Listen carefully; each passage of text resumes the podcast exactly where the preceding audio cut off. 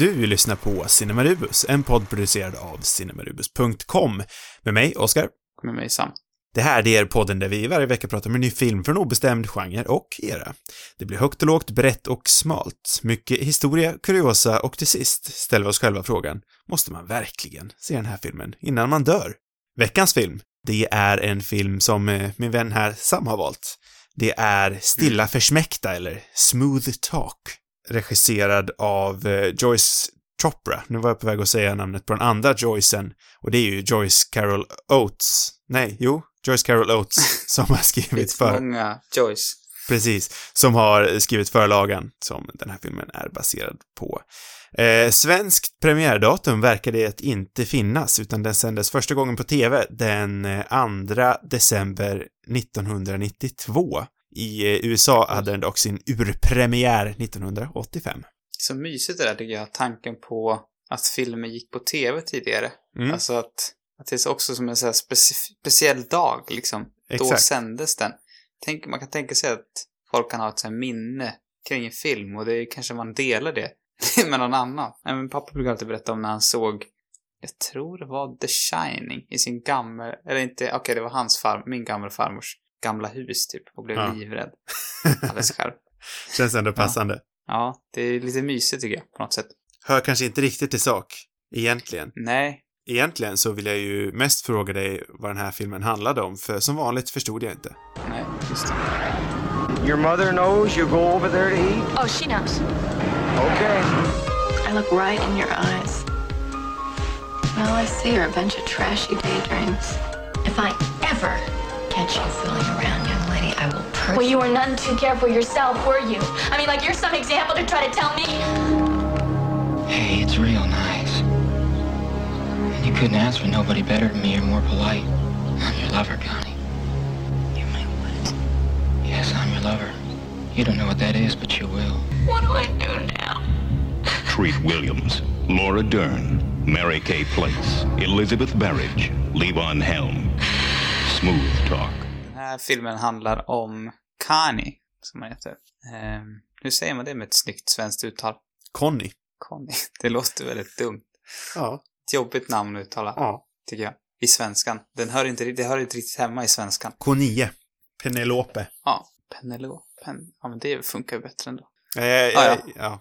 Nu ska vi Eh, inte vi spara kanske en inte ska fastna på det. Nej. Eh, Conny, hon eh, spelas av eh, Laura Dern, kan man väl säga. Filmens största fixstjärna. Inte kanske just då, eftersom det var hennes, en av hennes absolut tidigaste roller. Men eh, hon är den som har blivit den största stjärnan av alla involverade. Och eh, Conny är 15 år eh, och det här är väl lite av en uppväxtfilm kan man väl ändå kalla det på något sätt. Hon är någonstans där i gränslandet eh, till att bli, börja bli vuxen liksom. Med allt vad det innebär. Och suktar av efter killars uppmärksamhet kan man säga. Eller all möjlig typ av uppmärksamhet egentligen. Och eh, ja, i det- detta utforskande hamnar väl kanske i lite farliga situationer eller vad man ska säga. Det är mycket snack om beefcakes och deras buns. Ja, just det. Ja, det tyckte jag, det var väldigt, det var härligt på något vis. Ja.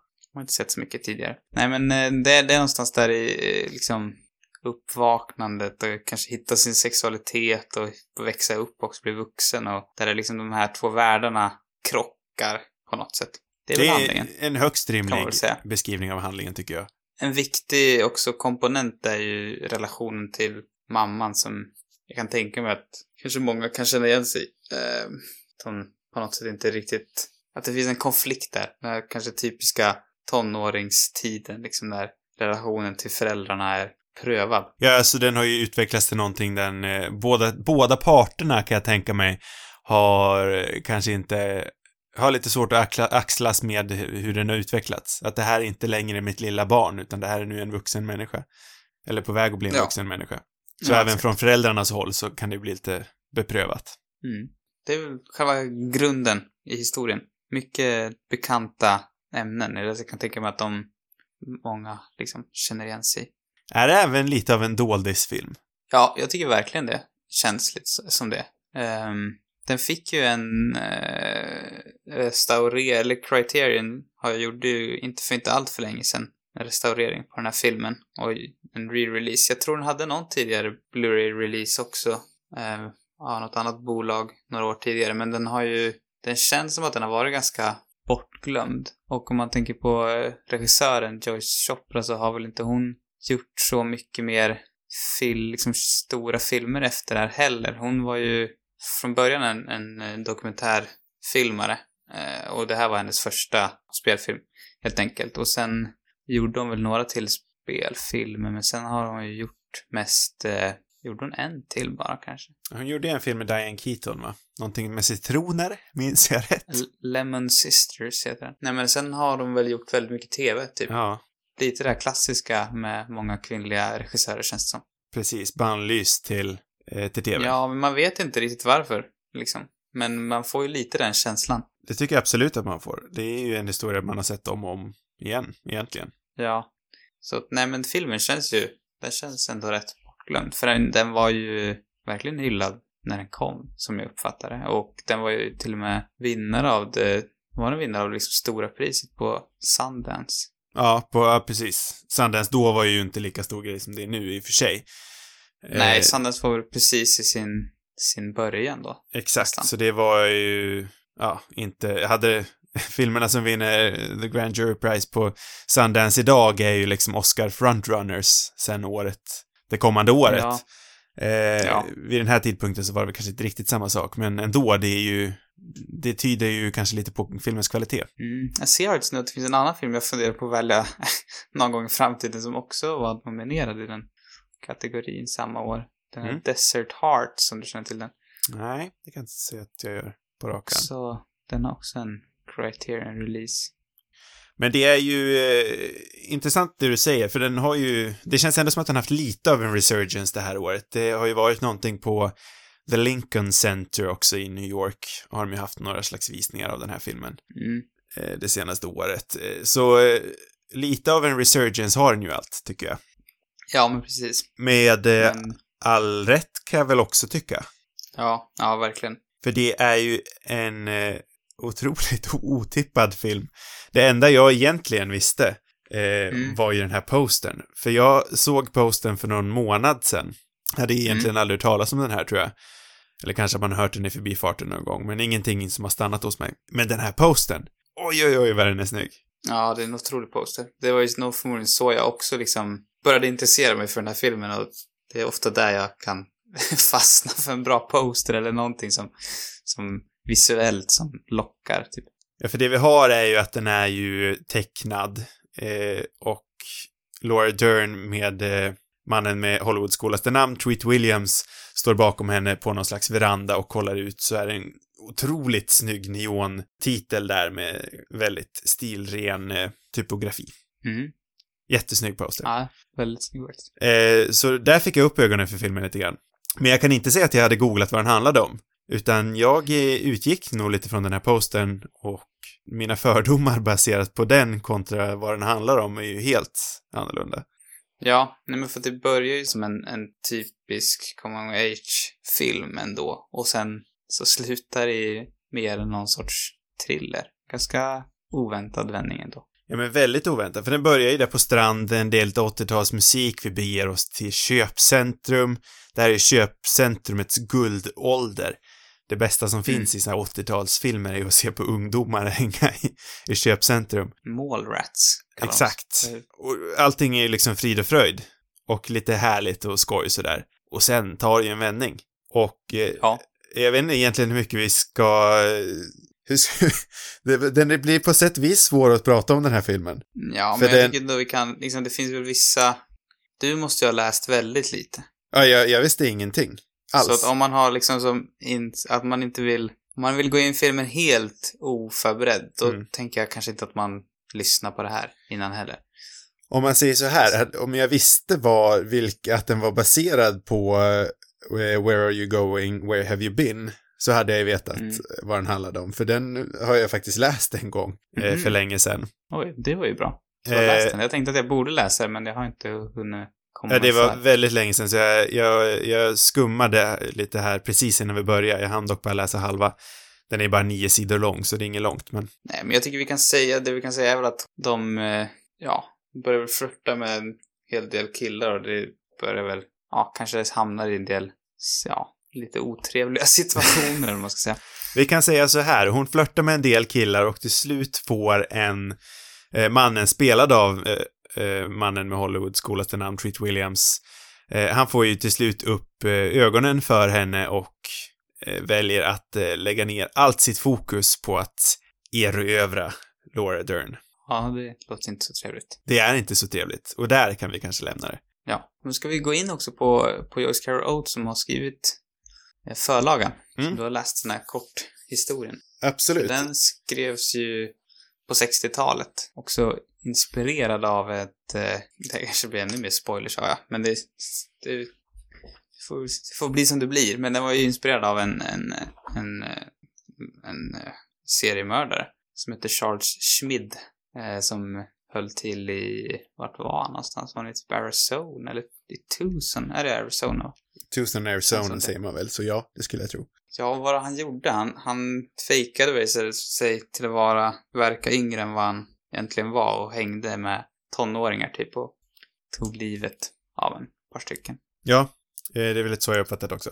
Och det här var också innan Charles Manson till exempel som också ändå gjorde lite liknande grejer att han eh, lockade liksom, han fick ju folk att göra massa sjuka grejer också men, men att han just lurade in tonåringar till hans gäng på något vis. Han var en charmig typ lite grann och sen så, Alltså, man, man skulle väl kunna säga att korthistorien var ju skriven eh, lite innan Amerika förlorade sin oskuld. Mm, ja men precis. Även fast det kanske varit ett land som ofta täckt för sina, eh, sina felaktigheter. Men eh, de, var, de hade inte riktigt kommit upp i dagen än. Nej. Nej, och den uppmärksammar väl liksom den rädslan som jag kan tänka mig många unga kvinnor känner och som och den, både filmen och, och korthistorien porträtterar liksom eh, många unga kvinnors erfarenheter och hur pass utsatt också man ändå kan, eller kan vara liksom i den här åldern. Jag tror det, den handlar väldigt mycket om den här övergången som är, liksom en väldigt känslig tid både för killar och tjejer liksom. Mm. De är väldigt osäkra och kanske inte heller förstår allt liksom. Framförallt tjejer väl, kan ju vara väldigt utsatta där liksom. Mm. Jag tycker att den här filmen fångar eh, den här nyfikenheten och kanske till viss del också naiviteten väldigt, väldigt bra. Mm. Ja, exakt. För det är ju liksom, det, det är ju kul att hänga med Laura Dern och hennes två kompisar. Ja, Man, man, man tycker det är superskoj att hänga med dem där på, eh, på köpcentret och sen när de går vidare till någon, eh, till någon diner där de lite äldre ungarna hänger. Men man känner ju Ja. också på sig hela tiden att, ah, det här kanske inte slutar toppen. Och det Nej, gör det ju det inte finns- riktigt heller. nej, det finns en obehaglig känsla i luften. Ja. Och det är också intressant att ställa det, för den är ju väldigt mycket som en, en, en liknande film om som hade kunnat handlat om ett gäng killar som liksom är i den här åldern som börjar utforska att bli eh, vuxen liksom och, och allt vad det innebär. Men där finns ju sällan liksom det här hotet egentligen. Ja, så det blir som en, den ingrediensen som också får en att på något sätt förstå, liksom försöka sätta sig in i det också som man tycker jag, på ett väldigt bra sätt. Mm, absolut, 100 procent. Alltså det är ju en historia helt och hållet eh, baserat från den eh, kvinnliga synvinkeln. Mm, Som förhåller sig till den hela tiden också. ja. utan att liksom kännas exkluderande, som du säger. För man, man, man, känner, man är ju helt och hållet med Laura Dern hela tiden. Man känner för henne Mm. jämt. Även fast hon, hon är ju väldigt, alltså hon är, hon är ju lite odräglig som tonåringar kan vara. Ja, På papper så är hon ju otrevlig. Ja, det var väl också ett av problemen eh, Chopra hade när hon eh, skulle göra den här filmen, eller hon hade skrivit manuset, att när de letade efter personen som skulle spela Conny, att det var flera som tyckte att hon framstod så otroligt dryg och Mm. jobbig i, i just manuset. Så det var liksom väldigt centralt att de hittade Laura Dern, tror jag, som lyckas porträttera Conny med den här så otroligt liksom eh, ja, men den här bredden, eller hon är liksom så, hon, hon har ju många av de här liksom dryga tonårens sidor, men också, det finns något väldigt fint inom henne också. Och eh, det där oskuldsfulla på något sätt. Jag har ju, jag tror jag har, eh, att jag är dokumenterad att säga att jag inte är så stort fan av Laura Dern. Det har inte jag något minne. Har du sagt det till mig? Ja, det tror jag. Eh, jag gillade henne verkligen i Marriage Story. Men jag Mm. tycker att hon kan vara, nej jag vet inte, jag, jag tycker alltid hon spelar lite samma karaktär. Men här, hon är ju så himla bra i den här filmen. Ja, jag är väldigt stort Ja, jag, jag vet att du verkligen gillar henne, jag men jag, jag har historiskt haft rätt svårt för Laura Dern, men här tycker jag att hon är så fruktansvärt bra. Jag tycker hon verkligen personifierar allt det här vi har pratat om, den här oskuld, oskuldsfullheten. Eh, samtidigt som hon är, jag menar, rätt dryg som en tonåring ska vara egentligen. Hon tänjer ju på gränserna med all rätt, alltså det måste man ju göra för att eh, lista ut vem man är.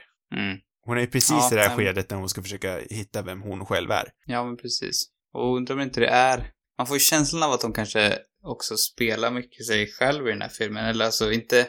Eller inte sig själv kanske, men alltså hon var ju själv i den här åldern. Och eh, det kändes mycket som när, de, när man har lyssnat på intervjuer med, med Chopra att beskriver de hur de hittade henne så var det mycket liksom roliga sammanträffande typ. Till exempel så när hon hade, hon hade väl fått, det det var någon, hon kände någon som typ hade, som bodde i närheten där, där Laura Dern, eller det kanske ska tillägga också, Laura Dern är ju, hennes föräldrar är ju båda rätt kända skådespelare. Jag har inte så bra koll på hennes mamma, måste jag säga. Vad är hon heter nu? Det kommer jag inte ihåg, men det är hon eh, eh, som hon spelar med. Hon spelar även hennes mamma i, i eh, den här filmen vi såg på i podden. Vad heter den? Mm. Den här med Cage. Wild at Heart. Wild at, Wild at Heart. Det är ju hennes riktiga mamma som spelar just hennes det, mamma i den. Just det. Ja, det pratade vi om. Och så är ju såklart Bruce Dern också som har gjort lite av en comeback på senare år. Mycket tack vare Ja. QT, Quentin Tarantino. Vänta, är det Diane Ladd? Precis. Ah, just det. Så hon kommer ju, hon är ju... hon egentligen? Vad sa du? Vad har hon varit med i tidigare då? Chinatown? Har hon en stor roll i Chinatown? Ja, är inte hon en av huvud, huvudkvinnorna? Det är hon säkert. Ja, nej men Bruce Dern har väl blivit mer, han har ju fått lite av en revival känns det som. Verkligen. Ja, det var inte de vi skulle prata om egentligen, men jag vill bara sätta någon sorts eh, bakgrund. Um, nej men då, och det var någon som bodde i närheten av, av Derns, eller vad man ska säga, och hade, som såg typ Laura Dern gå förbi utanför och bara, ah, där. Visste väl säkert vem Laura var, men, men det kändes väldigt mycket som, som att det var, att hon på något sätt, att de fick känslan av, av karaktären väldigt mycket Mm. när de såg henne. Hon hade, vad var det? Det var någon rolig, ja men det var en låt. Det var samma låt som är med i filmen. Är det Handyman av James Taylor du tänker på? Ja, exakt. Ja. Hon hade den som sån här, eh, vad kallar det, på sin answering machine. Röstmeddelande? Telefonsvararen. Telefonsvarare?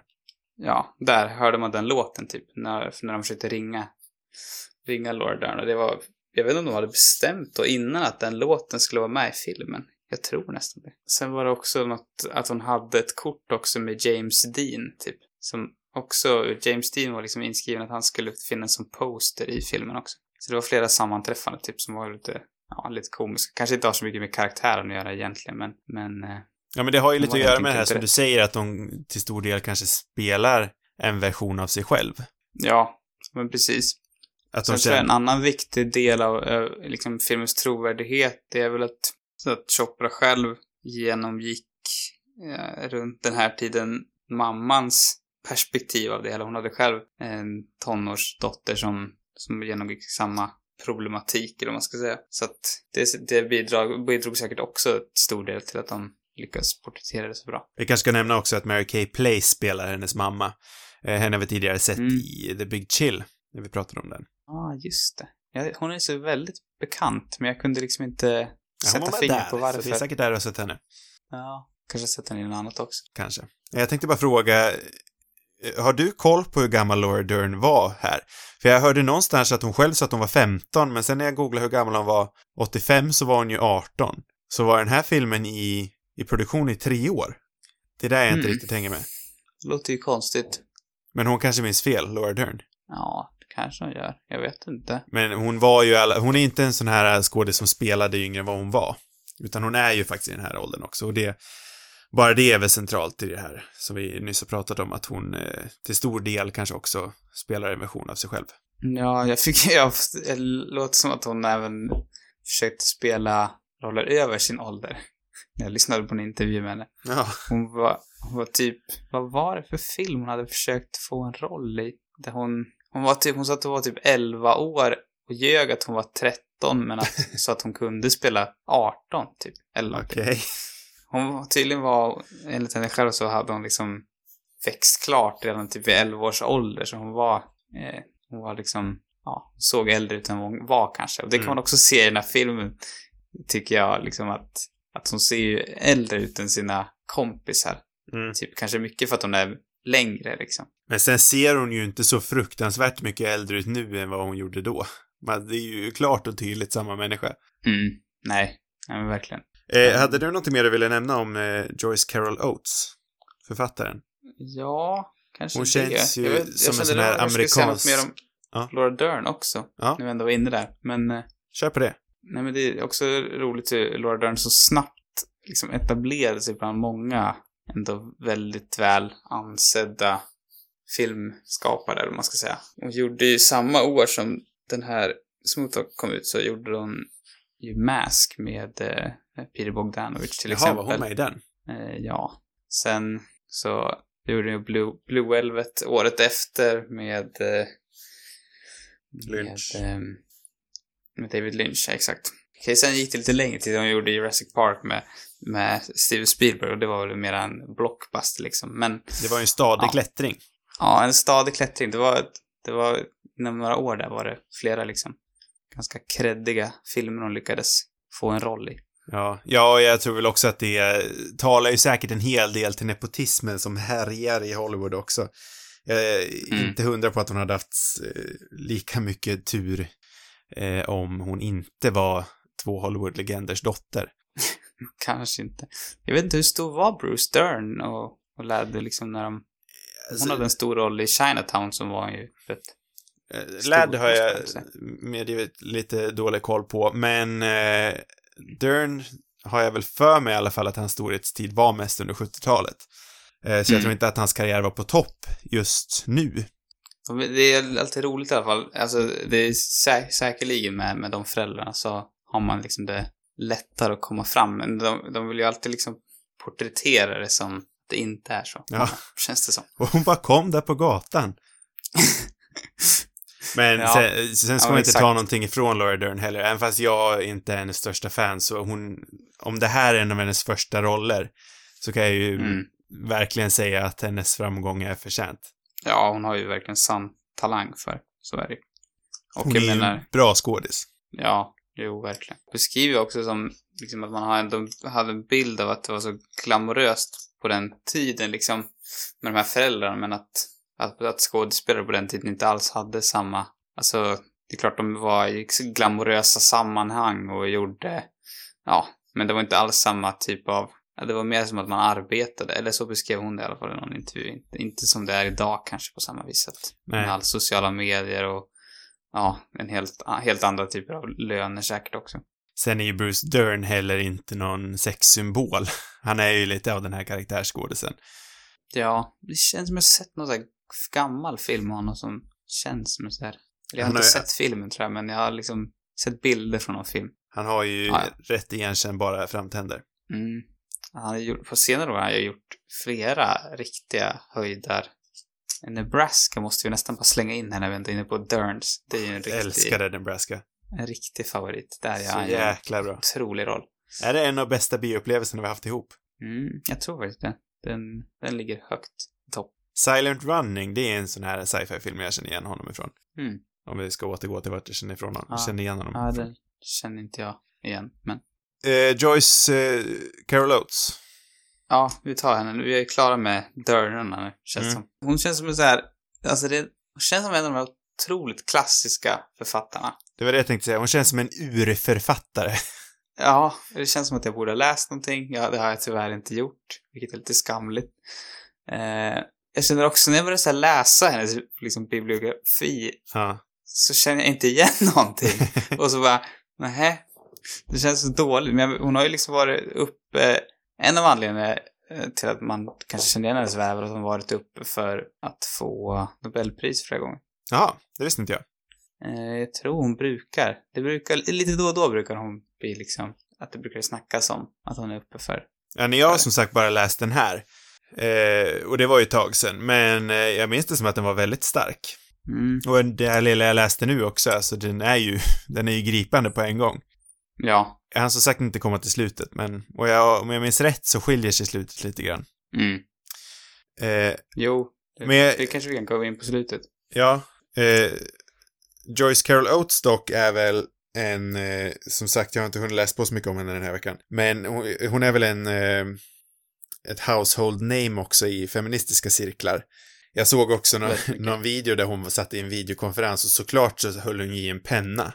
Bara det liksom Mm. berättar allt man vill veta om Joyce Carol Oates, att hon, hon är den som fortfarande sitter med en penna i hand hela tiden, det är där hon är mest bekväm. Ja, och sen har hon väl varit otroligt produktiv också. Hon har ju varit verksam sedan början av 60-talet och skriver ju fortfarande böcker nu i 82 års ålder liksom.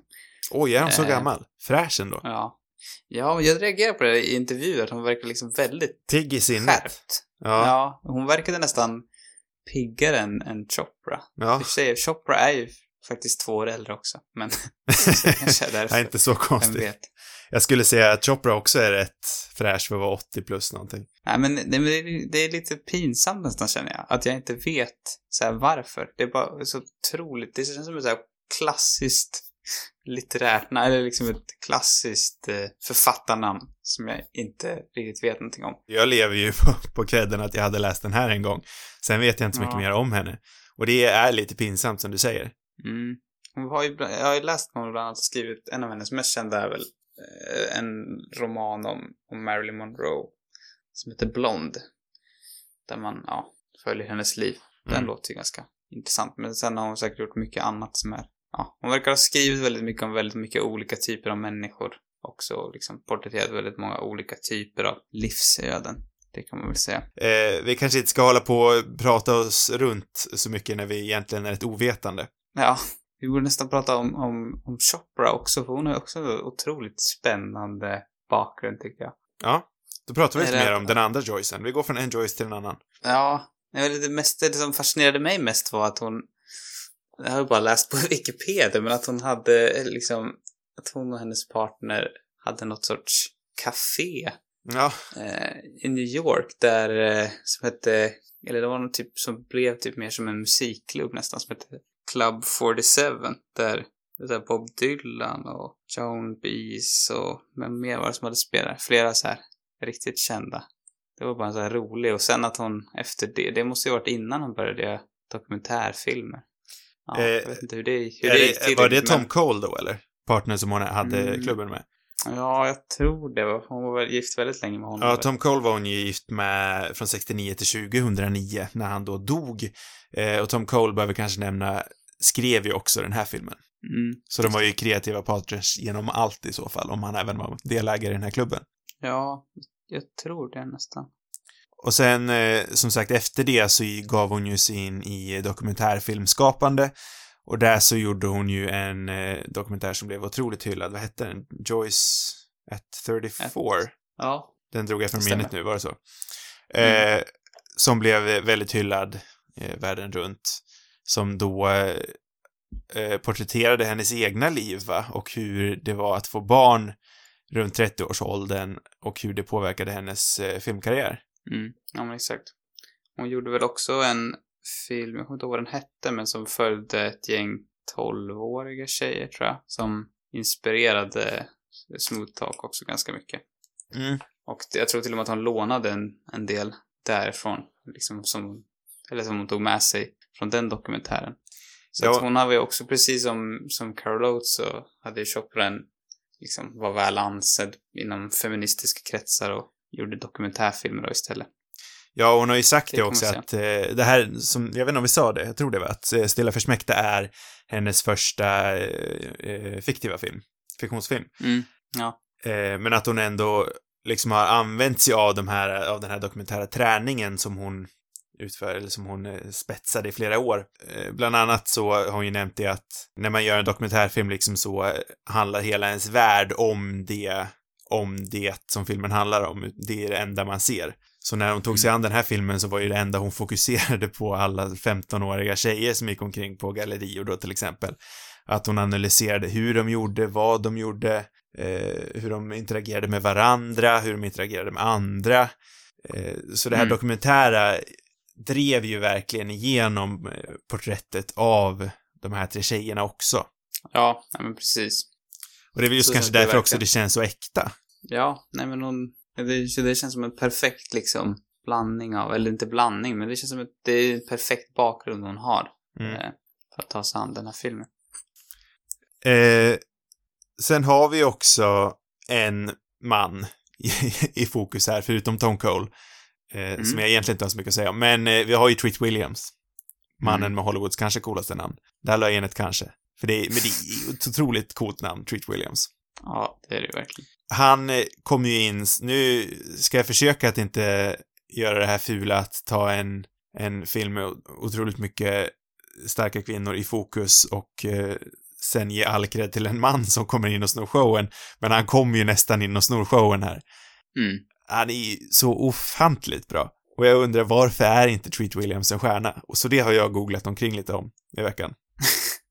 Vad kom du fram till? Kokain. Nej. Cocaine. Är det så? Så är det. Det är så att... Enligt han själv i alla fall. Och det låter väl inte orimligt. Eh, Treat Trist. Williams eh, har ju... Han känns lite kokainig i den här rollen. han känns väldigt kokainig. För Arnold Friend i filmen är ju lite mer kokainig. Eh, nu kommer jag inte ihåg exakt vad det stod, men i boken när han ett av de bästa, en av de bästa sakerna Treat Williams gör i den här filmen är när han först öppnar bildörren och liksom glider med den. Vet du vad jag pratar om? ja. Eh, men i boken så öppnar han den mer försiktigt och liksom Mm. träder ut eh, med mycket mer varsamaktighet för bilen. Ja, okej. Men här så är han ju, han är totalt, han är totalt uppkokad. Jag ser inte en värld där han inte är bäng på kokain. Och det är underbart, om man får Nej. säga så. Ja, men han, jag tror han verkligen har liksom tagit sig an den här rollen och gjort den till sin egen. Mm. Eh, och eftersom filmen också är, har liksom andra, lite andra saker också som också skiljer sig mot novellen så, så funkar det också väldigt bra. Mm. Liksom.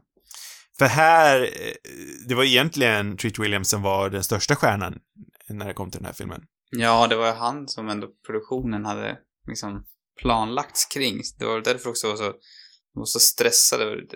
Att det, var, det var typ två veckor kvar innan de skulle börja filma och då hade de fortfarande inte hittat Laura Dern än. Just det, så var det.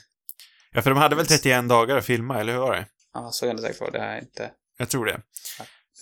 Eh, för han hade ju varit med i Hair innan, musikalen. Mm. Eh, och eh, ansågs väl av många vara en riktig star in the rise. Jag tror också att han var med Once upon a time in America. Mhm. Jag vet inte hur stor roll han hade där, men han ansågs väl av många i alla fall vara en, en riktig up and comer. Och han själv har ju Mm. alltid sett sig själv lite som en, det, det tror jag att många skådespelare säger och som sagt är det ju alltid lite tvekaktigt när man eh, hör, hör skådespelaren själv prata om sin karriär och vad som gick fel. Men han själv har alltid sett sig som en eh, teaterskådis först och främst. Hade aldrig riktigt något intresse av att vara med i film och tv. Mm. Eh, men sen så fick han ju lite star power. Och vad kommer efter star power? Jo, kokainet. Det känns som att det kom innan. Men han, kan- han kanske, och Star Power kanske kom redan med Hair eller någonting. Allt det här kapitalet han hade byggt upp med några bra filmer kastade han ju totalt bort under Sen några år. kört. Sen var det kört. Men sen så gifte han sig några år efter, fick barn, flyttade eh, till, någon, till något gammalt, gammalt hus ute i Vermont, tror jag. Mhm. Och där bor han fortfarande. Han är en riktig countryboy. Har ni inte gjort några mer filmer sen? Jo, han har väl gjort lite ströfilmer här och där, gästskådespelare i mycket tv-avsnitt, har varit med i otroligt många tv-filmer. Men det är ju ingenting Mhm. av, av någon riktig värde egentligen. Han hade ju en så här CW-serie som gick i många år, eh, Everwood, eh, där både Chris Pratt och Emily Van Camp till exempel också fick sina breakthroughs. Mm. Men han har ju aldrig fått den här stora, det här stora filmgenomslaget. Som baserat på den här rollen som jag tycker att han borde haft. Ja, för att han är liksom, han är så jävla slimig. Mm. Det är helt galet hur äcklig han är. Men Ja. kanske, han skulle nästan kunna ha varit med på liksom typ topp 10 värst bästa skurkarna genom tiderna. ja, men typ.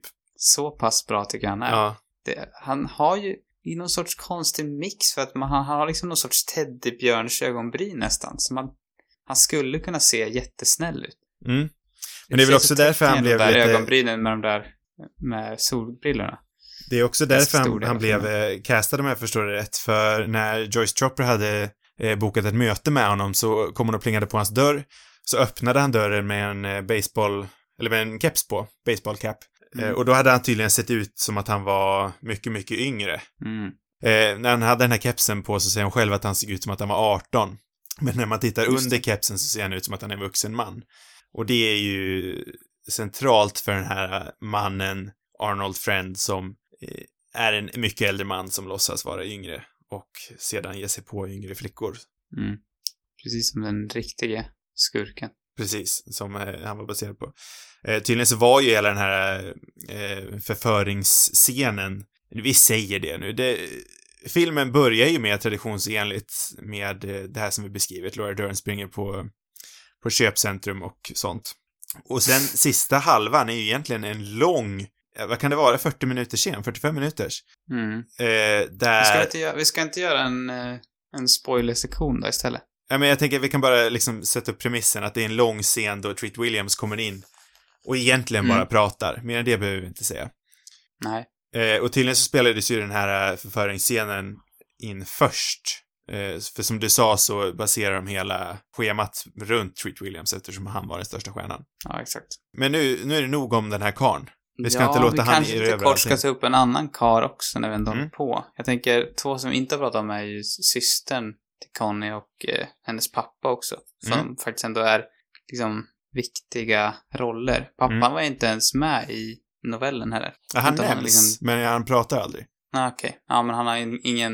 Han har inte den här typen av roll då, som Nej. han ser i filmen. Eh, vilket också är liksom också en rolig grej med att, att det bygger på just en novell och inte på en hel roman. Att för vanligtvis när det bygger på roman så blir det så mycket som man rensar bort. Men det här istället, eh, här har de istället kunnat lägga till saker, liksom tillfört och gjort den historien rikare. Eh, just för att det bygger på en, en kort historia bara. Men jag, det, jag, pappan är väl också en viktig del att liksom visa de här olika typerna av relationer, för han är ju ganska, han är ju ganska ointresserad, eller tar väldigt lite ansvar för döttrarnas eh, uppfostran, Mm. känns som. Inte så mycket ansvar heller för eh, vad som händer hemma, utan eh, mamman är väldigt ensam i det hela. Han, Mm. kommer, han kommer hem, vill sätta sig i sin stol, ta en öl till oss efter jobbet. Och sen Äh, är det med det. Och han han- försöker väl lite så här slappt engagera sig, men det är liksom som är så bra med honom tycker jag, att han, han är liksom inte en taskig ty, eller han är oskön i vissa scener, men han är, han är väldigt sådär äh, allmän, eller han känns Alltså, typisk på något sätt. jag, Som- jag tolkar den inte som att han inte bryr sig. Jag tolkar det Nej, mer som att han är, att han är rätt em- emotionellt inkapabel till att yttra sig. Alltså, om- kanske det är. att, jag menar, att yttra sig om sina döttrars känslor och hur, jag menar att ens ta upp ämnet. För han försöker ju ändå i bilen med eh, Laura Dern en gång. Jo, Men det går jo ju inte men det är jättebra. ändå så här halvdana försök. Mm, ja, ja, absolut. Det, det går inte bra. Men jag tror Det är ändå ändå det, någonstans det, är ändå det klassiska på något sätt att han liksom på något sätt lämnar över. Det liksom inte riktigt... Ja, han försöker men det är ändå det är lite halvhjärtat. Ja, måste man absolut. säga. Han vill inte riktigt ta... Han tycker inte riktigt att det är hans ansvar, Nej. känslan. Ehm, så det är också, tycker jag, en, då blir det liksom viktigt. Och systern är ju... Jag fattar, jag tyckte hela tiden att systern såg ut som hennes yngre syster, men jag tror det ska föreställa hennes stora syster väl? Vet du vad, jag tänkte exakt samma sak. Hon ser mycket yngre ut. Ja, ja, ja, jag var helt döns. Jag fattar inte varför de alltid snackade, eller varför hon blev så förolämpad när Laura Dern hela tiden sa att, att du vet säkert inte vad jag pratar om. Men hon blir såklart Mm. förolämpad för att hon själv har varit där för några år sedan. Mm. Men jag förstod inte det, för jag tänkte jämt att hon var yngre. Så varför blev hon förolämpad? Mm. Men till slut så klickar det ju. Ja, nej hon är ju äldre. Eh, det- Och ja, hon är väl den som den duktiga systern vad man ska säga. Så det är också där Connys eh, frustration mot mamman kanske och att hon tycker att hon själv blir mycket hårdare kritiserad eller ja. Mm. Ja, men absolut. Och då är alla de där delarna är ju på något sätt viktiga för historiens dynamik tycker jag. Ja, och det intressanta är ju att allt det här framgår så väl i novellen också. Det är, det är en jättebra novell. Mm. Jag måste verkligen läsa den känner jag. Ja. Jag hittade en pdf, jag kan länka den åt dig. Ja. Det var inte Nej, svårt det- att hitta i och för sig, men... Nej, men det, det är liksom... Och missförstå mig inte, jag tycker inte att pappan är ett, ett, han är inte ett svin, men han är sådär... Det är det som är så bra, tycker jag, med de här Mm. olika karaktärerna. Att de är... De är... eh, De har brister. Mm. Nyanserade, helt enkelt. Ja, nej, jag håller helt med dig. Jag fattar att du inte menar att han är ett svin. Men... Mm. Eh, ja, nej, jag, jag, Han är inte bra heller, det vill jag inte säga. Nej, det är han inte. Eh, Vi måste ju prata slutet tycker jag. Jag har i och för sig en sak till som inte är Mm. kopplad till slutet. Ja. Det är väl eh, fotot som är mysigt också tycker jag. Väldigt Eller, mysigt. Jag har inte så mycket att säga om fotot egentligen, men det, det, ja, det är bara väldigt, det är trevligt på något sätt. det, det finns ju några riktiga pangshots, tycker jag. Ja. Men vad Det- tänkte du säga? Avbryter jag dig. Nej, men det roligaste som jag hörde var att, att fotot var in, väldigt inspirerat av en av mina eller, favorit, men en fotograf som jag gillar väldigt mycket som heter Joel Meyerowitz. Som jag tror att Chopper hade haft någon idé om att hon ville att det skulle kännas, hon hade sett bilder av. Han, hade, han har en, en fotobok som heter Cape Cod kanske den heter, eller något sånt. Det fanns en bild där på en, en eh, på en, på en korridor och en sån här dörr som är med i filmen. En sån här myggdörr, eller vad säger man? En sån här... Ja, Ja, en screen door heter det väl? Jag vet inte, Ja, ja, skärmdörr, exakt. heter det så? det finns tydligen en bild i den boken, om den heter något, typ Cape Cod, eller någon, någon bok, fotobok av, av Meyerowitz. Eh, som, ja, den, just den bilden hade inspirerat den här scenen i slutet av filmen väldigt mycket. Det är också en av de snyggaste bilderna i filmen, måste jag säga. Skärmdörren. Ja, och, ja, och, och fotot generellt liksom. Så hon hade tänkt att hon skulle prata med fotografen eh, James Glennon och så här diskutera för att liksom se om, om han var rätt för jobbet, vad han Mm. tyckte om, om Myrits foto, eller foton. Och då hade han, han hade sagt, redan innan hon frågade det så hade han sagt, han hade ju läst manuset liksom och då hade han sagt att han, det skulle passa perfekt att vara inspirerad av, av Myrits foto. Så då var han ju liksom, Alla de här sammanträffarna känns för bra för att vara sanna. ja lite så. Jag köper inte dem, för allting kom, jag, är det Joyce Chopra som säger det här hela tiden? Ja, hon, det, hon kanske är liksom hjärnan bakom Nej, all, alla de här. Jag, jag, tror, jag tror att hon, eh, det är fiktion många av de här sammanträffarna hon nämner. Det jag köper Hon inte. vill inte säga själv heller att det är, eh, att det är ödet. Det var hon väldigt tydlig med. Okej, ja. Ja, för det trodde hon inte på. Ödet Nej. trodde hon inte på. Men hon tror på sina lögner kanske. Jag- Jag kom på en grej nu med Joyce Chopra som jag varit nyfiken på hela veckan. Jag prövade att googla det här, men jag hittar inte ens här. Vart har hon fått namnet Chopra ifrån? Jag vet. För hennes, ingen av hennes föräldrar heter Chopra och hennes man heter ju uppenbarligen inte Chopra. Så jag, eh, var, var kommer det namnet ifrån?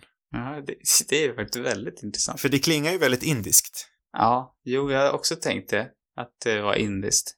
Ser inte jätteindisk ut. Nej. Ja, nej, då har du inte heller något svar, så då, då vart det antiklimax. Men, eh, Ja, är det någon som har det ett svar, mejla in till cinemadubbesattgmail.com. Ja, det är väldigt spännande. Eh, en annan grej om vi bara ska flika in här innan. Det, nu tar vi den här sektionen och flika in saker innan spoilers. Eh, Ja, jag kom på en till flik. Det är ja, flik, flik här. vi flikar på. Ja. Ta din flik först. Ja, ja, det var ju, jag tänkte besläktade rekommendationer. Ja. Men det kanske du också har? Ja, men den kan vi, då kan vi kanske flika i det sen. Då tar du din flik först då, Jag, alltså. jag, jag tar min flik först. Ja, eh, en, jag, jag gillar verkligen Joyce Chopra. Jag tycker hon verkar superhärlig. Ja, Eh, för jag, jag läste också något citat om henne om, eh, om, om det här med att när hon började prisas lite som spelfilmsregissör, mm. eh, att hon ändå tog det med lite, eh, att hon var lite tveksam till det. Mm. För att hon ville inte liksom identifieras med den här autö- autörstämpeln som många spelfilmsregissörer får. Mm, Eh, Hon ville till exempel inte jämföras med Fellini eller Bergman eller Allen, läste jag här i en artikel. För att Nej. hon själv tror att, eh, ett citat, “The true individual artists are the ones who are capable, who are able to keep their teams together. But in Hollywood Mm. you're supposed to be ashamed eh, of it if you work with the same people again.” Mm, just det. Och kanske är det den där mentaliteten som har hållit henne ifrån, om man bortser från det att hon är en, en kvinna, vilket tyvärr också gör att det är svårt att lyckas, lyckas i Hollywood. Men kanske är det också den mentaliteten som gör att, att hon inte fortsatt göra stora, eller större, eh, spelfilmer. Mm, kanske. Ja, det är alltid, tycker jag, väldigt liksom sympatiskt med de filmskaparna som har väldigt mycket fokus på att det är teamet som Mm. gör det. Att det inte liksom, att det inte är jag själv som regissör som är hjärnan bakom allt. Att, det, att film faktiskt är ett otroligt stort teamwork. Mm. Det, det, det, det är alltid mycket mer sympatiskt tycker jag.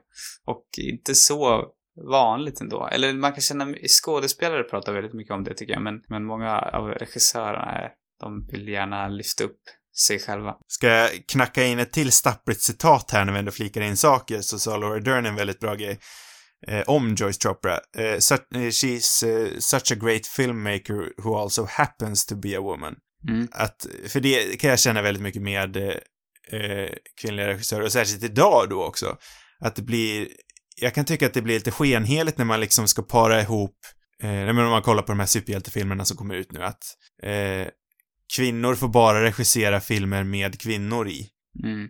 När man gör en Black Widow-film, ja men då ska ju en kvinna regissera den. En kvinna kan inte regissera en film om en man, till exempel. Mm. Eh, och jag, jag tycker eh, att eh, Durns citat där, alltså det borde vara, vara någonting man bara klistrar upp om allihopa egentligen. Det spelar ingen roll vem man är. Alltså så länge man är Mm. en bra filmskapare så för mig kvittar det vem du berättar historier om. Ja. Det är väl där man vill landa i är ett, tråkigt. I ett eh, jämställt samhälle, tänker jag. För nu blir liksom eh, afroamerikanska filmskapare, eller eh, svarta filmskapare i allmänhet, gör bara filmer om, om svarta. Mm. Nu när de ska göra, en, nu klankar jag på Marvel igen, som vi brukar göra ibland, ska man, eh, den enda gången de ger en asiatisk filmskapare en film, ja men då ska den handla om en asiatisk superhjälte, till exempel. Mm. Det, det blir liksom väldigt skenheligt på något vis. Ja, det är lite trist. Sen kan man ju förstå att man kanske kan liksom ta hjälp av egna erfarenheter och så vidare. Men det blir, ja, det finns väl olika nivåer av det där tycker jag. Olika, det beror lite på vad det är för typ av film också. Och så, det är en annan sak som jag också tycker är tråkigt är väl hur mycket fokus det ändå, eh, framförallt när det gäller kvinnliga regissörer, blir väldigt mycket fokus på att de är just kvinnor och inte Exakt. så mycket på vad de har åstadkommit för någonting. Ja. Sen fattar jag nu också att sitter man vi liksom... och pratar om det också. Jag fattar ju också att man måste ha det här snacket nu i början. Det är ju först Mm. senare liksom när det har blivit normaliserat som man kanske kan bortgå lite från det. Så jag förstår ju också varför det är så här. Jo, nej, det är, det är ju inte så konstigt egentligen. Men det, Nej, jag tycker ändå att, man vill ju liksom gärna hoppa till den perfekta världen på en gång, men jag, jag fattar det. ja, inte så Eh, konstigt. Det hade inte så mycket med, med, med Stilla försmäkta att göra egentligen. Men jag tyckte Dern verkligen... eh, Stilla försmäkta, det är ett sånt namn alltså. Jag, jag älskar det. Jag förstår dock fortfarande inte riktigt vad det, vad det eh, Betyder. menar. Jag kan inte den svenskan måste jag säga. Ja, men försmäkta betyder ju på ett ungefär... Eh, vänta, jag kan googla det exakt det här. Så, kan vi, så slipper jag stapla mig fram till någonting. Här. Eh, vara nära att duka under av hunger, törst, slash tynna bort. Mhm. Det var oväntat. Eller vad har det med film? Duka, ja, jo, ja. Jag tänker om de syftar till brunstighet, även, Jaha. som även går under det lite grovare ordet kåthet. Ja, det kanske de gör. Brunstighet som vi etablerade i... Det Babba-avsnittet. Mm. Exakt. Ja, eh, om det har någonting med det att göra, att stilla kåtheten. Ta det lugnt nu, annars kommer treat. Oj, Det är någon sorts uppmaning. Kanske, Nästan. det där kanske blev helt fel. Ja, det låter inte en... Nej, jag vet inte. Nej, det, har- det är ju inte det man vill att filmen riktigt ska säga heller. Nej, Eller Nej det, kanske var en helt fel. Jag är det inte kanske heller... är någon sån här moralisk person i Sverige som har översatt den här som, som tycker att det är kvinnans fel. Jag kanske inte ens uppfattar ordet försmäkta helt korrekt här. Nej, vi kanske inte ska fastna för mycket i det. Nej. Eh, min absolut vill- sista inflikning. Eller har du en? Nej, jag tänkte vi skulle gå vidare nu nästan. Men, jag, vill bara, ja, jag vill bara ha ett... flika in en till. Jag vill bara flika in Ett mitt... citat till. Ja, Nej. det är exakt det det är, men det här gången är det från Nej. en film. Eller är från filmen. Ja, Jag vill bara säga att, eh, att Treat Williams eh, eh, levererande av den här repliken är superbra. That there's my name to begin with. I want to introduce myself. I'm Arnold Friend, and that's my real name, and that's what I want to be to you. A friend. Du kan nästan klippa in riktiga där kanske. Det ska jag kanske göra istället. nu, Det var en Besläktat. helt okej leverans måste jag säga. besläktad rekommendation. Nu går vi till besläktade rekommendationer. Och eh, då vill jag rekommendera en... eh, Jag vet inte varför jag alltid måste säga favorit i början. Det blir så mycket kraft i saker. In, inte en favorit. Men det- Då blir det också som att jag ska säga emot att det var en favorit också, som att det blir dåligt.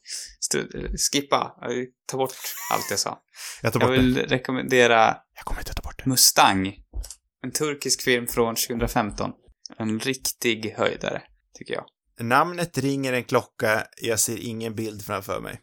Nej, nej men den handlar om, eh, också om eh, tonårstjejer, eller de kanske är ännu yngre. Nej men de är typ de är, det är fem systrar, tror jag, som är i, ja men runt den här åldern i alla fall. Eh, som, och de typ umgås med ett gäng pojkar på en strand. Och det, ja, ses inte i Turkiet kanske som helt okej, typ av deras föräldrar. Eller jag tror inte det är deras föräldrar egentligen. De har, har några, det är mer, kanske är låtsasföräldrar. Ja, ja.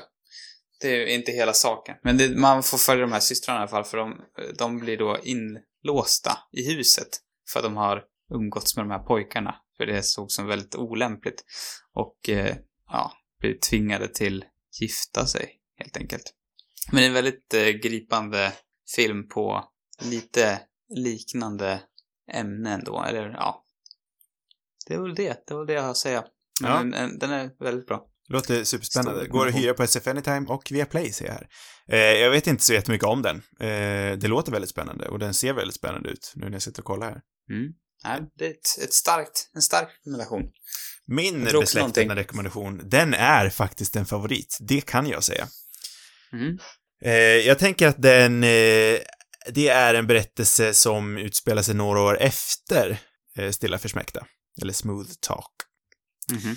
Eh, den handlar om en eh, kvinna som eh, fastnade i den här relationen. Om vi säger att, att eh, Laura Dern skulle fastna i, i relation med Treat Williams, eh, så utspelas den där några år efter om en kvinna som har fastnat i en relation, fastnat i eh, en liten småbygd och eh, lyckas inte ta sig därifrån. Den heter Waitress och kom ut år 2006 om jag minns rätt. Ska jag bara dubbelkolla här. Mhm.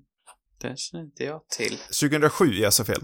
Eh, Med en av dina favoritskådespelare, Kerry Russell, i huvudroll. Just det. Eh, Jag vet inte om det är min favoritskådespelare, men Nej, men en sa jag. ja, jo. Ja, Jag, jag gillar Russell, framförallt för Americans då. Men, Ja. Eh, ja, men hon spelar en eh, paj. Hon, hon jobbar på, i en pajrestaurang in, någonstans i en liten småbygd eh, som är fast i tiden. Jag tycker också att den, det är en film som eh, fångar en tidslös, eh, en tidslös anda och eh, byggd, precis som den här filmen gör. Även fast den är väldigt 80-tal, Stilla försmäkta, så är den ändå någonstans väldigt tidslös. Och den här, Ja, den här filmen Waitress fångar då, ja men lite 50-tals estetik fastän det ändå är, även fast det inte är det. Mm. Den är regisserad av eh, Adrian Shelley som tragiskt dog direkt efter. Så hennes karriär fick man aldrig riktigt se vart den tog vägen. Eh, Vad, do- vad dog han av hon, det är en helt sjuk berättelse. Hon blev mördad. Eh, alltså det är en sån otroligt spännande berättelse så vi måste prata om den här filmen någon gång. Mhm. Hon blev mördad eh, och sen så kommer jag inte, jag kommer inte exakt ihåg detaljerna nu, men det blev, så var det. Hon- Hon blev mördad, men det, eh, första polisrapporten sa att hon hade tagit sitt eget liv. Men hennes man trodde inte på det. Så han fightades liksom för att hon skulle öppna det här och sen så visade det sig att hon blev mördad av någon servicemänniska i huset. Oj. Det är, alltså, det är så otroligt intressant, inte för att glorifiera någons mord här som egentligen är rätt tragiskt, men det är väldigt spännande. Mm. Eh, Ja, det låter rätt läbbigt. Waitress är i alla fall en otroligt stilsäker, rolig, eh, väldigt annorlunda och fantastiskt skådespelad film. Som jag tycker att alla ska Mm. se. Den finns på Disney+. Plus. Jag känner den här veckan två riktigt bra tips, känner jag på mig. Det tycker jag också. Ja. Sam, Ska vi, ska vi ha en, ska vi ha en spoilersektion? det tycker jag. Men först ska vi säga om man eh, Mm. måste se den här filmen innan man dör. Ja, ah, just det, den här frågan har jag glömt. Oj, vad jobbigt. Ja. Det här, den här veckan tyckte jag det var riktigt svårt. Ja, ja, det är verkligen en stark rekommendation i alla fall. Det tycker jag. Ja.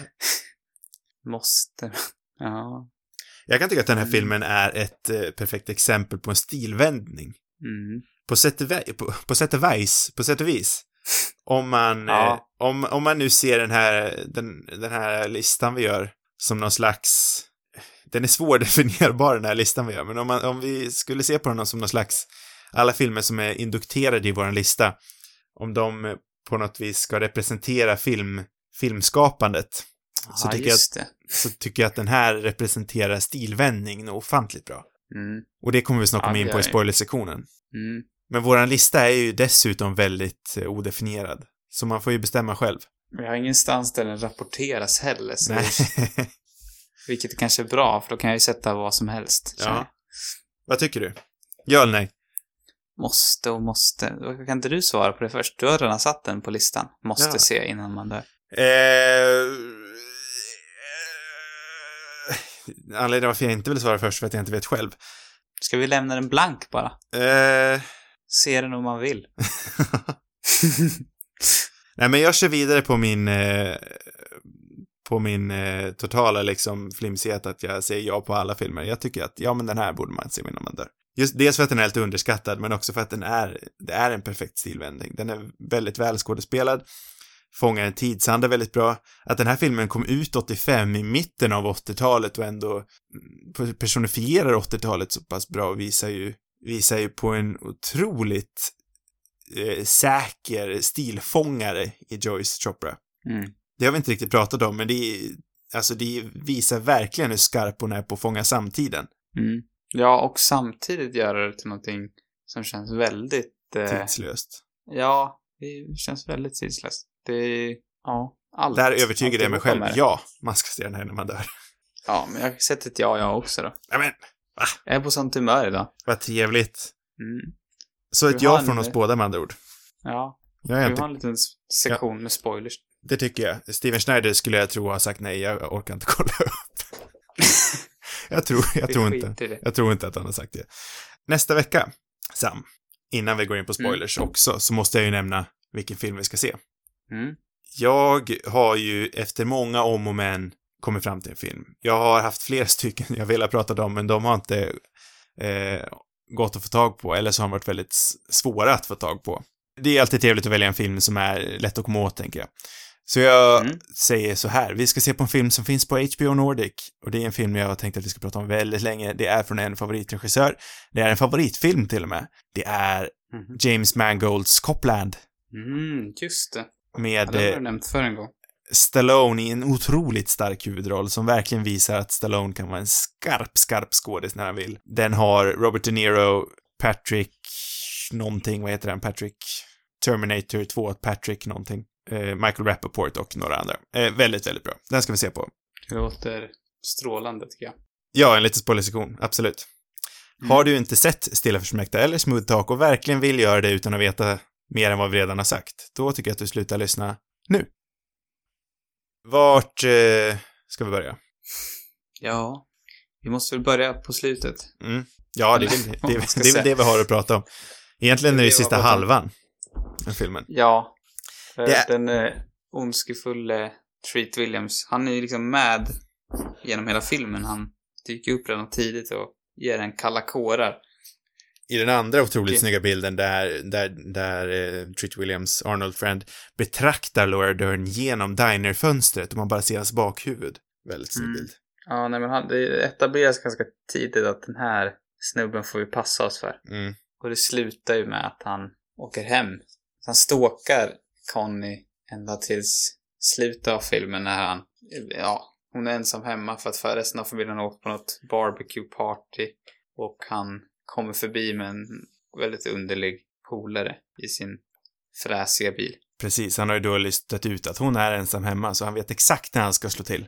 Och det framgår ju även tidigare i filmen av en, från en av Laura Derns kompisar att någon konstig mysko-kille har frågat henne eh, många Mm. frågor om Laura Derns Conny. Exakt. Så Och då är sen ju- börjar väl, ja det är ju typ en halvtimme va? Lång scen.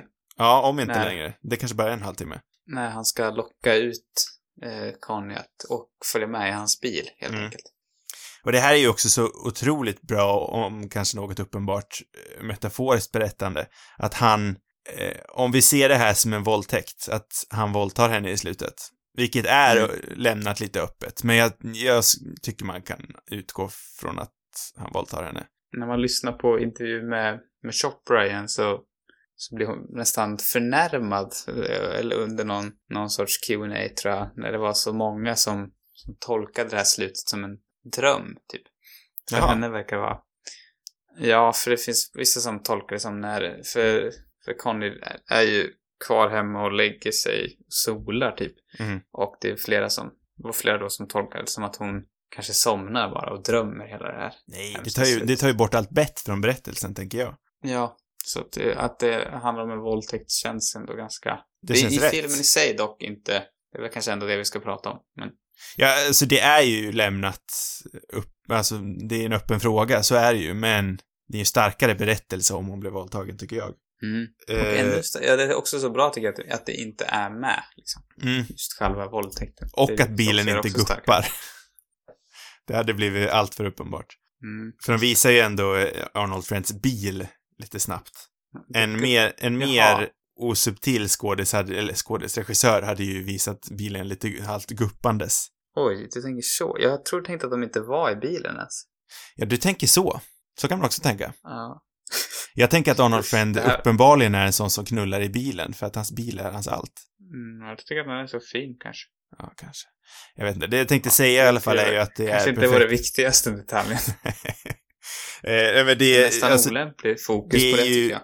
det är ju eh, så eh, ofantligt bra metaforiskt berättande att, att eh, Treat Williams, Arnold Friend, inte vill gå in i huset. Mm. Han, alltså han är inte den som våldför sig på Laura Dern med, alltså med fysiskt våld, utan han vill, han manipulerar henne att komma ut med egen vilja. Lika, Men han, vi precis ser ju lika- sig själv liksom som en, som att han en smooth talker. Ja, exakt. Han har ju inte riktigt, han är ju, det skiner igenom hur obehaglig han är. Ja, ja, ja. 100 procent. Nej, men det, det, huset visar ju samma sak. Han går inte in i huset med våld, utan han vill få henne att komma ut. Det är nästan som en vampyr eller något. Mm, Det är nog inte någon tanke, men det tror jag inte. Men det är väldigt bra. jag tycker hela den här scenen är ju helt otrolig. Alltså det, är- det är det är makalöst. jag har sett på länge. Ja. Hela den här scenen gör ju nästan hela filmen. Alltså den är väldigt bra fram till dess också, men, men den tar ju den till en helt annan nivå med den här slutscenen. Som aldrig tar slut heller, känns det som. Men den är inte alls, den är inte, den är inte seg på något sätt, men den är, den bara, ja, väldigt bra scen. Den här scenen får en ju att undra varför den här filmen inte är högre ansedd. Eller Mm. bättre ansedd. Eller bra ansedd är den ju, men varför klassas inte den här filmen bland de bäst, bästa filmerna någonsin? För den här scenen är ju Ja, det är en av de fruktansvärt bra. bästa suspensescenerna man sett någon gång, tror Ja jag. men verkligen. Och att den sen inte slu, alltså att den är så tillbakadragen hela tiden också. Mm. För visst, alltså Treat Williams, han är ju lite kokainig som vi säger. Men alltså den Mm. är ju, den, den visar ju ingenting i slutet heller, utan det är ju, ja men det är sparsmakat. Ja, ja, men exakt. Det är visuellt berättat, det är dialogiskt berättat, men det är inte actionberättat. Nej. Det gör eh, allt mer skrämmande tycker jag. Och att han är sådär lite... För det var väl också en grej som de ändrade från, från novellen, tror jag. Att, där sa han att han skulle döda hennes föräldrar. Men här är det mer typ, tänk om det här huset skulle brinna ner. Eller vad det är han Mm. säger för någonting. Precis. Jag, eh, nu minns jag som sagt men jag tyckte jag läste någonting om att eh, film, eller bo, novellen lämnar det mer öppet med vad som händer. Eller att, hon, att de läm, den lämnar det på ett mörkare ställe. Det är det jag vill säga. Den lämnade väl som att man kan anta att hon blir mördad också, tror jag. Ja. För det Eh, blir hon ju inte här. Hon men här så kommer hon ju tillbaka. tillbaka. Eh, vilket då, för de, tydligen så ändrade de ju slutet medans de filmade. Mm. Ja, Eh, det kändes inte riktigt rätt. Eller det var svårt att få till på film, tyckte de. Ja, men exakt. Och de började väl gilla karaktären så mycket själv också, om jag läste rätt. Eh, så att de ändrade till det här slutet, vilket jag ändå tycker är bättre, för de flesta som blir utsatta för våldtäkter måste ju leva med det resten av livet sen. Ja, det känns så, så äkta på något sätt Ja, också. Det, det, ja. det Ja, är väldigt bra. Och eh, det, hon, det som jag också tycker är en väldigt bra detalj är det här att hon på något sätt ändå tar över situationen. Eller att det liksom, hon, hamnar, hon har ju liksom hamnat här, hon, när hon väl inser att okej, det här kommer inte sluta bra, så, så bestämmer hon sig ändå för att göra det på sitt sätt på något sätt. Mm. Det finns ändå någonting kvar där. Det, han, det, det är någon, vad är det han säger? Det är någonting med hennes, när hon frågar om jag hade haft bruna ögon typ eller något. Mm. Hon går ut tror jag. Ja, precis. Vad vill hon säga med det för någonting? Ja, men hon ser ju... Hon ser, alltså Laura Dern ser ju ut lite som, som skönhetsidealet. Hon är blond och blåögd. Mm. det har ju historiskt varit liksom skönhetsidealet och jag tror väl att det hon frågar är om jag inte hade sett ut som jag gör, hade jag blivit utsatt för det här då? Mm. Om jag hade, om jag hade sett ut som min syster så hade det här inte hänt. Och varför måste jag bli utsatt för det här bara för att jag ser ut som jag gör? Någonting som jag inte kan bestämma Mm. över. Det antar väl att det är det jag vill säga. Ja. Skulle jag utgå från i alla fall. Låter som en bra teori. Nej, men jag tycker det är i alla fall att hon liksom på något sätt överlämnar sig själv. Att hon har ändå något sorts, hon har ändå någon sorts makt i, kvar i maktlösheten. Ja, nej, alltså det är ett otroligt starkt slut. Och man blir ju, alltså man blir ju lämnad shook up. Man är lite shook up Mm. efter man, man har sett klart filmen. Särskilt Ja, med tanke på att den inte alls var det jag hade förväntat mig. Ja, just det, för dig måste det vara. Jag trodde att det här, jag, trodde att det här skulle vara Du en trodde fin... att han skulle vara en charmig? Ja, jag trodde det här skulle vara en romansberättelse om Treat Williams och, och Laura Dern. Jag hade sett liksom två timmars charm framför mig. När fick du dåliga vibbar? Ja, men det var väl när Treat Williams pekade Dök på upp henne första gången. när han pekade Du på var henne lite så utanför här inne dinern. på att, att det skulle typ bli mer en så här problematisk film. Att den skulle bli... Var du inne på det? Vad säger du? Nej, men nej, nej, jag visste att det skulle... Jag visste att det var en thriller också. Liksom. Ja. Men jag menar att du, du var nästan inne på att det skulle bli en problematisk film. Att hon skulle falla för honom fast han var sådär svinig. Nej, nej, men jag börjar väl inse, nej, då började jag väl inse att någonting, någonting är inte riktigt rätt här. Eh, men jag, innan, jag var helt inställd på att det här skulle vara en charmig romans. Mm. En romans för tiderna kanske, men det var det inte. Nej, Raka blev det. motsatsen faktiskt. Ja. Eh, känner vi oss klara där? Nu är vi klara. Jag, jag måste säga det, att det här var en otrolig överraskning. Väldigt bra film. Mm. Mm. Det var en rolig upplevelse. Och där känner vi oss nog eh, klara för veckan. Som sagt ska ni passa på att kolla på Copland till nästa avsnitt. Har ni frågor eller kanske ett förslag, då tycker jag att ni skickar in det till cinemarubus.gmail.com. Sociala medier, det har vi också. Där heter vi Cinemarubus på Instagram och Twitter. Twittern, den har faktiskt börjat användas lite på sistone. Mm. Så gå in och följ oss där. För guds skull. Sa Ja. jag flera avsnitt? Det sa jag inte tror jag. Flera avsnitt, de hittar ni på cinemarubus.com eller valfri poddapp. God natt, allihopa. God natt.